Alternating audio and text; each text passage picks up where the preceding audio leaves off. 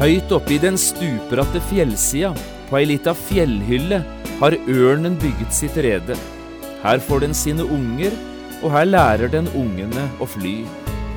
Prøv å se for deg denne situasjonen. Hvordan gjør ørnen dette? Hvordan lærer den ungene sine å fly? Her har Gud regissert et drama som langt overgår dramatikken både i spenningsfilmer og kriminallitteratur.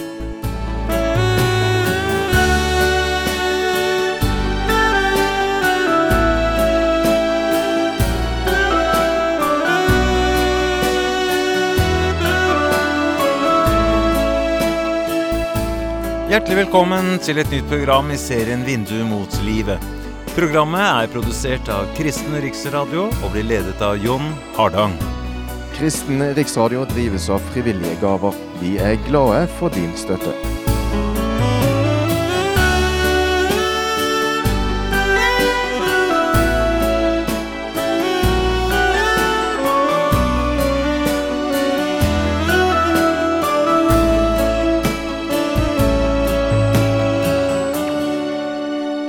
Vi skal i dag fortsette denne nye bibelundervisningsserien som vi har kalt Se himmelens fugler. I 18 program skal vi møte en rekke fugler i Bibelen og høre litt om hva disse fuglene kan lære oss, både om Gud selv, hva det innebærer å være menneske, og ikke minst hva det betyr å tro på Gud. I de tre neste programmene skal vi møte ørnen og høre hva den har å fortelle oss slik vi møter ørnen i Bibelen. Du kan få kjøpt denne programserien på CD ved å henvende deg til P7 Kristen Riksradio. I dette andre programmet skal vi lese et bibelavsnitt fra femte Mosebok i kapittel 32, og vi skal der lese vers 11 og 12. Jeg har kalt dagens program Ørneredet. Og Moses skriver, som ørnen vekker sitt rede og svever over sine unger, slik bredte Herren ut sine vinger. Han tok ham opp og bar ham på sine slagfjær. Det var Herren alene som førte ham, og ingen fremmed Gud var med ham.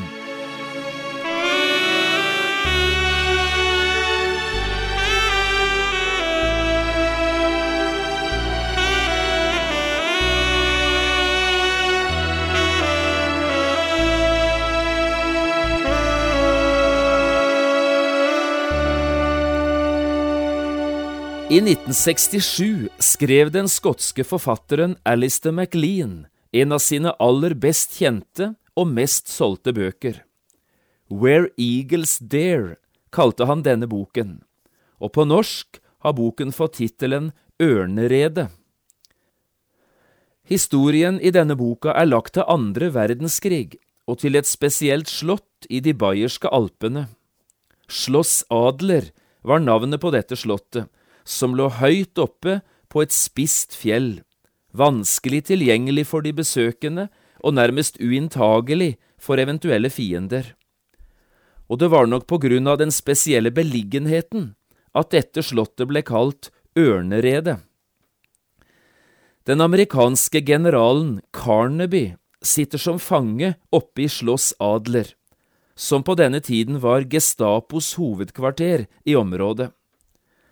Denne amerikanske generalen satt inne med viktige informasjoner om de alliertes bevegelser og strategi, og disse informasjonene ønsket selvsagt den tyske Wehrmacht å pumpe generalen for. Og så, for å forhindre at disse sensitive opplysningene kom på tyske hender, ble en alliert kommandogruppe en natt fløyet til Bayern og sluppet ned i nærheten av slottet med fallskjerm. Oppdraget deres var å befri den amerikanske generalen, og historien i boka forteller nå om hvordan denne kommandogruppen etter hvert lyktes med oppdraget. En forrykende historie, full av spenning og overraskelser. Forfatteren Alistair MacLeans bok er likevel ikke den første i verdenslitteraturen som bruker ørneredet og all spenningen knyttet til et slikt ørnerede som tema for en historie. mange hundre år tidligere, ja faktisk nesten 3500 år tidligere, hadde en annen stor forfatter gjort det samme. Jeg tenker på Moses og på praktverket første til femte Mosebok. Dette må være en av de første bøker i verdenslitteraturen der dramatikken i et ørnerede virkelig blir beskrevet. To ganger i dette bokverket berører Moses dette med ørneredet. Den første gangen han gjør det, er i en liten kommentar i andre Mosebok 19,4. Her sier Gud det slik til israelsfolket, som nå er fridd ut fra trelldommen i Egypt og har kommet fram til fjellet Sinai. Gud sier, Jeg har båret dere på ørnevinger og ført dere hit til meg. Uttrykket på ørnevinger henspeiler jo nettopp til det som skjer i et ørnerede, når en ørn skal lære ungene sine å fly. Den andre gangen vi møter ørneredet i Mosebøkene, det er her mot slutten av femte Mosebok, nemlig i kapittel 32, altså det bibelavsnittet vi leste sammen i begynnelsen av dagens program. Du hørte hva vi leste, ikke sant? La oss likevel sitere det en gang til. Hør på dette. Som ørnen vekker sitt rede og svever over sine unger, slik bredte han, altså Herren, ut sine vinger. Han tok ham opp og bar han på sine slagfjær. Også disse ordene står med direkte forbindelse til ørneredet og hva som skjer når en ørn skal lære ungene sine å fly. Se på fuglene under himmelen, sa Jesus i bergprekenen, slik vi talte om det i det første programmet. Og det er altså det vi nå skal gjøre og praktisere når vi i dag vil tale om ørnen og om ørneredet. La oss først prøve å få øye på den situasjonen som Moses her tegner for oss. Han tegner altså bildet av ørneredet og det som skjer når ørnen lærer ungene sine å fly. Dette hadde nok Moses sett for sine øyne mange ganger i løpet av de 40 årene som han selv hadde vært gjeter nede på Sinai-halvøya. Og nå skal du få høre hva Moses har sett. Høyt oppe i en stupbratt fjellside, på en liten fjellhylle, har ørnen lagt sitt rede. Her får den også sine unger, én eller kanskje to hver gang. Og nå er tiden kommet da ørnemor skal prøve å lære ungen sin å fly. Men hvordan lærer nå ørnen, i en slik vanskelig situasjon, en liten unge å fly? Ja, det er dette som er dramatikken, og det er dette Moses har lagt merke til, og det han har sett, det bruker han nå som et bilde på Gud, når han vil ha et menneske, slik som deg og meg, ut på troens vinger. Hva gjør ørnen da? Hva gjør Gud da? Det første som skjer, det er dette. Ørnen begynner en dag å lokke på ungen sin. Dagen er kommet når ungen er blitt stor nok, og ørnemor flyr ut fra redet. Nå begynner hun å kretse omkring, fram og tilbake foran redet, og både gjennom lyd og bevegelse prøver hun å lokke ungen sin til å våge spranget. Dette hadde også israelsfolket opplevd. Da Moses kom tilbake til Egypt, hadde han fortalt dem om Guds plan, om trelldommen som snart skulle ta slutt, og om veien til friheten, til et nytt liv i et helt nytt land. Han hadde minnet dem om Guds løfter til fedrene og sagt, Nå er tiden kommet, løftene skal oppfylles. På denne måten hadde folket hørt frihetens klokker ringe. De hadde møtt Guds kall og var blitt utfordret til å våge spranget. For det ville være et vågesprang, både å gjøre opprør i Egypt og å forlate farao og hele hans mektige hær. De hørte Guds lokkende stemme. Kanskje har også du som lytter til dette, opplevd litt av det jeg her snakker om, Guds lokkende stemme, Guds kall til frelse. Gud talte til deg, og du forsto at det var Han som talte. Du forsto det med all mulig tydelighet at nå er det meg dette gjelder. Også jeg opplevde dette flere ganger tidlig i barndommen, lenge før jeg ble tenåring. Jeg møtte Guds kall.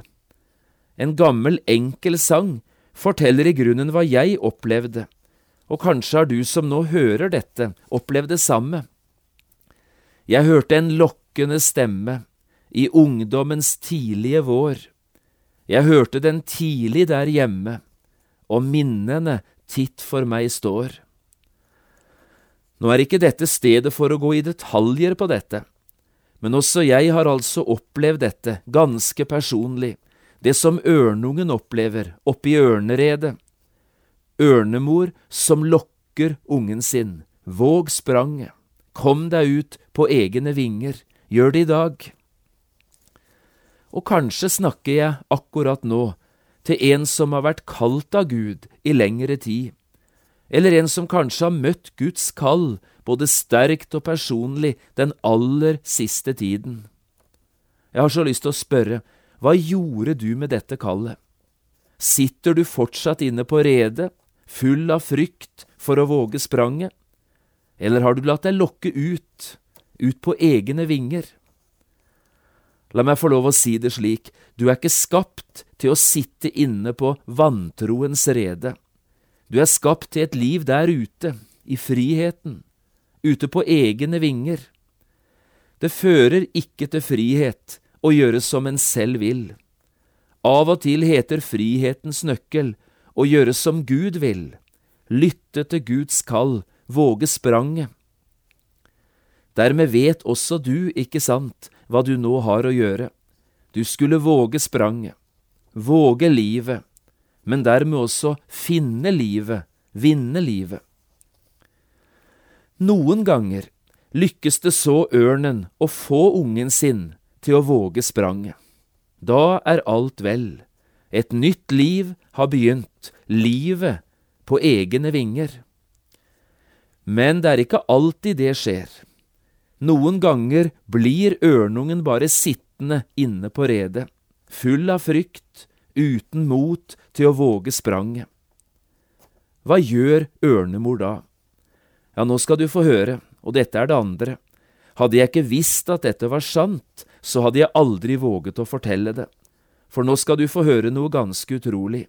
Den ungen som ikke lar seg lokke ut, den blir slått ut.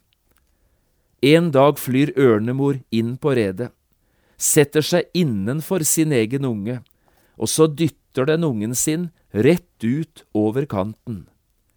Dermed har ungen ikke lenger noe valg. Nå er ørnungen ute i luften, ute på egne vinger for første gang, og nå bare må den prøve å fly. Jeg synes dette er en helt utrolig situasjon. Den ungen som altså ikke lar seg lokke blir slått ut. Men også det hadde israelitten opplevd, de harde slagene i livet. Ti ganger hadde befolkningen i Egypt blitt rammet av harde slag. Gud hadde sendt dem ti store plager, den ene verre enn den andre. De fleste slagene rammet riktignok bare egypterne, men de første hadde også rammet Israel. Vi kan sikkert synes at Gud virker både hjerteløs og hard når han denne gangen gjorde det slik, at Gud virkelig kunne tillate både det ene og det andre av vonde ting å skje. Men hensikten Gud hadde, var hele veien god. Han hadde et stort og viktig mål for øye, et helt folk skulle settes fri, både fra trelldom, undertrykkelse og fornedrelse.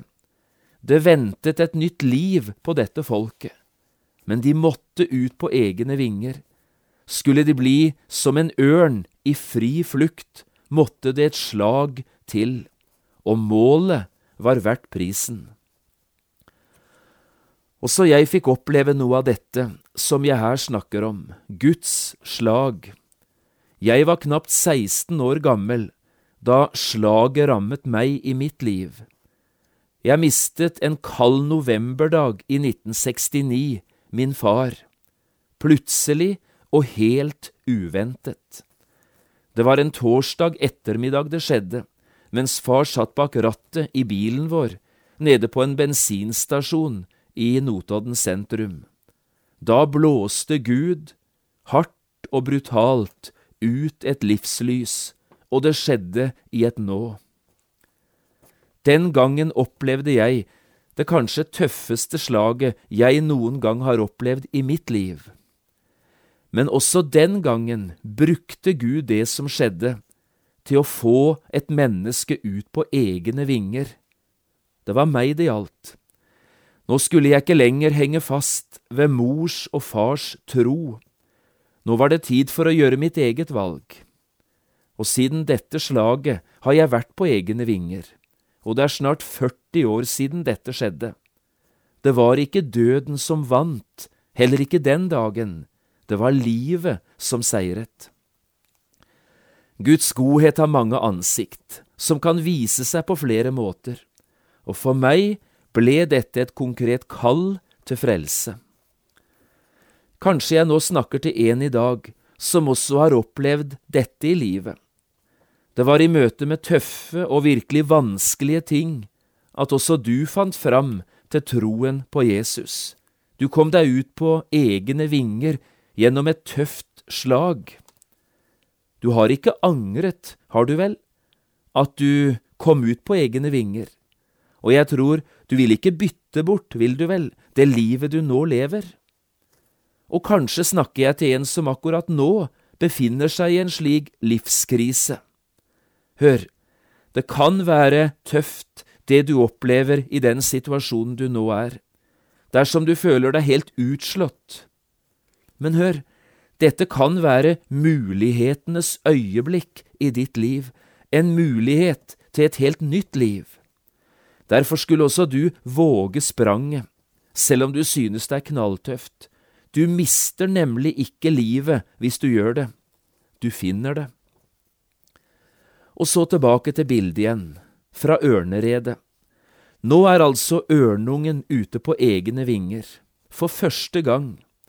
Noen er der fordi de lot seg lokke ut, andre fordi de ble slått ut. Og utrolig nok, den vesle ørnungen klarer å fly, de små vingene bærer. Hvem skulle trodd at det var mulig? Men så skjer det, utrente vinger blir fort trøtte, og det som nå skjer, er følgende, den vesle ørnungen begynner å synke.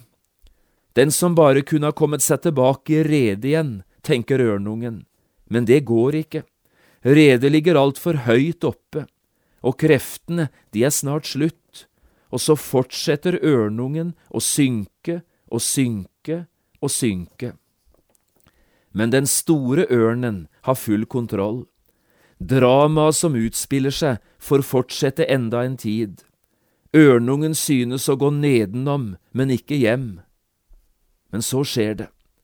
Et stykke nede i fjellsiden flyr ørnen ned under ungen sin, og så dumper ørnungen ned på ørnemors sterke rygg, og ørnen, den bærer ungen sin tilbake til redet igjen.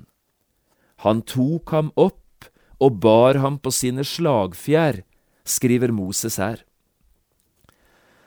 Problemene var heller ikke slutt for Israel selv om de var ute av Egypt, fremdeles havnet de i nye og vanskelige situasjoner. Og igjen og igjen måtte Gud løfte dem opp og bære dem tilbake til redet.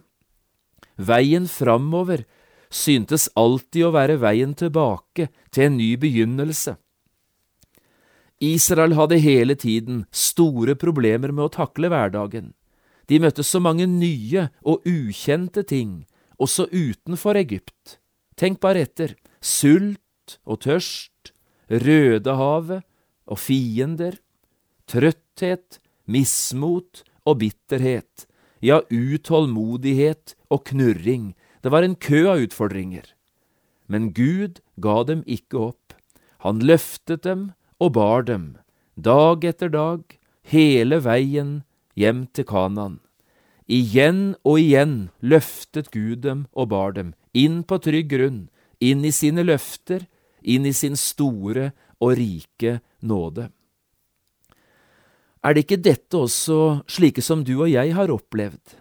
Ikke bare én gang, men mange ganger trengte også vi Guds nåde og tilgivelse, Hans hjelp og Hans kraft. Ja, kanskje har vi hatt bruk for det hver eneste dag i livet etter at Jesus fant oss, en Gud som er villig til å løfte og bære, dag etter dag, år etter år. Erfaringen er jo den at ikke minst den første tiden, når en er på egne trosvinger, det er vanskelige tider. Da får en det liksom ikke til. En synes alt går i stykker, en faller og synker og spør kan jeg være en kristen slik som jeg er? Hør nå, hemmeligheten i det å bli en kristen, også i det å leve som en kristen, er ikke at jeg skal klare det, eller at du skal klare det. Hemmeligheten er at Gud løfter og bærer, at Hans trofasthet gjelder, og at Hans løfter, de holder. Dermed skal det ende, også for deg og meg, slik det endte for Israel.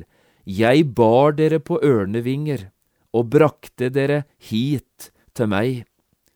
Og når enden er god, sies det, så er allting godt. Helt til slutt i dag, noen strofer fra et lite dikt skrevet av Haldis Reigstad. I dette diktet har hun nettopp tak i den tanken vi her har hatt framme, som har med Guds ørnevinger å gjøre. Kunne du ikke prøve å senke skuldrene litt nå der du sitter, og så tar du til deg disse varme og fine ordene. Haldis Reigstad skriver. Gud skal bæra deg på ørnevenjer, han vil alltid være med. Sjølv om sjela di er full av uro, Jesus er din hjartefred. Ser du ikke lys der framme, Jesus lyser opp din veg. Han skal bæra deg på ørnevenjer, fyll din frelser steg for steg. Vær frimodig under alt du møter du er teikna i hans hand. Gud skal bæra deg på ørnevenjer, like heim til himmelens land. Gud skal bæra deg på ørnevenjer, du er barnet, han er far. Han som vaker over alle sine, evig omsorg for deg har.